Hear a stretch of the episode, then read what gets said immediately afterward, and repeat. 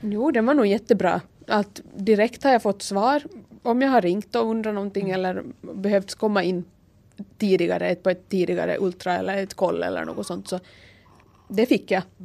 Jo, jättebra nog liksom.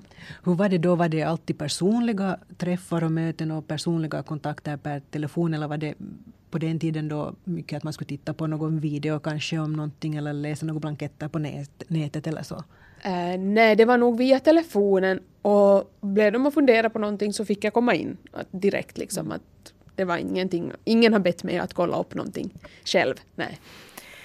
Tia Olli i Tenala har två barn och det tredje är på väg. Hon tycker att hon under alla graviditeter fått bra med information, även nu då hon väntar sitt tredje barn.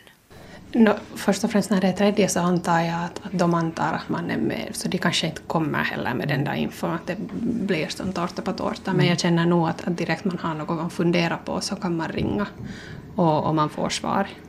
Och de ringer upp om, om de är upptagna. Att, att nu får man den informationen. Mera är det säkert att, att uh, 2014 var det mera broschyrer och nu är det mera att söka själv. Eller att all, all, all material finns på nätet som sagt. Hur tycker du att det känns, att du mera måste söka själv nu än då tidigare? Jag har inte sökt så mycket nu, men jag tror att det skulle vara ett problem. Det är ju dagens läge. Man är ju van med att söka upp allt via nätet. Och du är van att vara gravid också? Det är jag. jo, ja, ja. Så det är inte liksom samma behov kanske av att liksom få den där informationen, att ge mig den, ge mig den?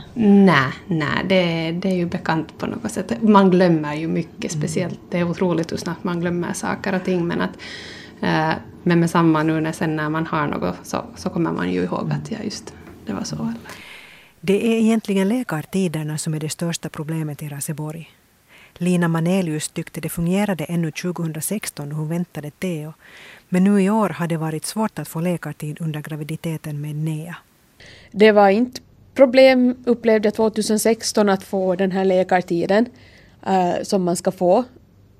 Eh, men eh, den här gången så fick jag ingen läkartid liksom till den här första utan den kom liksom lite senare och de har haft jätteproblem hela det här året att hitta läkare på den rätta veckan eller det har inte funnits helt enkelt.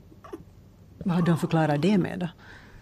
De, de har nog förklarat det som att det inte finns tillräckligt läkare via HVC och, och ibland får det då komma in en allmän läkare som nu kanske då inte heller är specialiserad på det här området och det känns ju inte liksom så tryggt.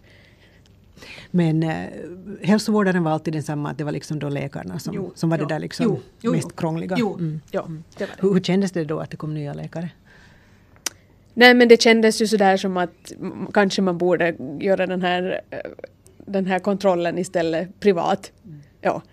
Eller, eller ringa mödrapolin och fara via dem eller, eller något sånt. Att, men att då får man ju betala det liksom själv att, att egentligen ska det ju höra till två två stycken och de försöker ju få det, rådgivningen försöker ju få det att fungera men, men det är inte alltid möjligt att få på rätta veckan eller, eller kanske då en, en riktigt yrkeskunnig inom det området.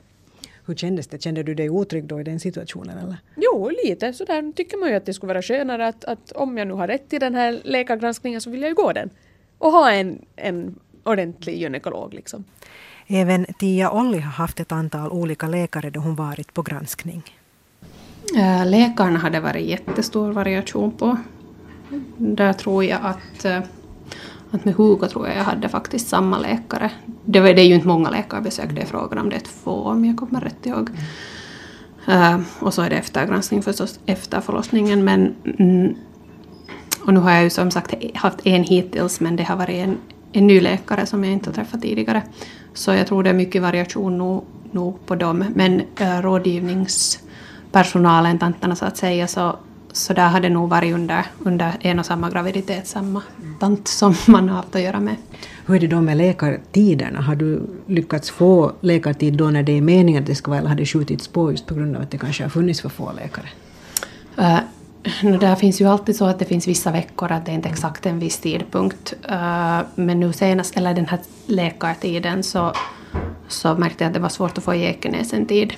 Att äh, det skulle kanske, jag går, rådgivningen är i Tenala men, men när jag jobbar i Ekenäs så skulle det ha varit inte lättare men smidigare, det var närmare jobbet. Men som sagt det var, det var svårt att få där till så det blev Tenala som nu inte var något problem det heller förstås. Men.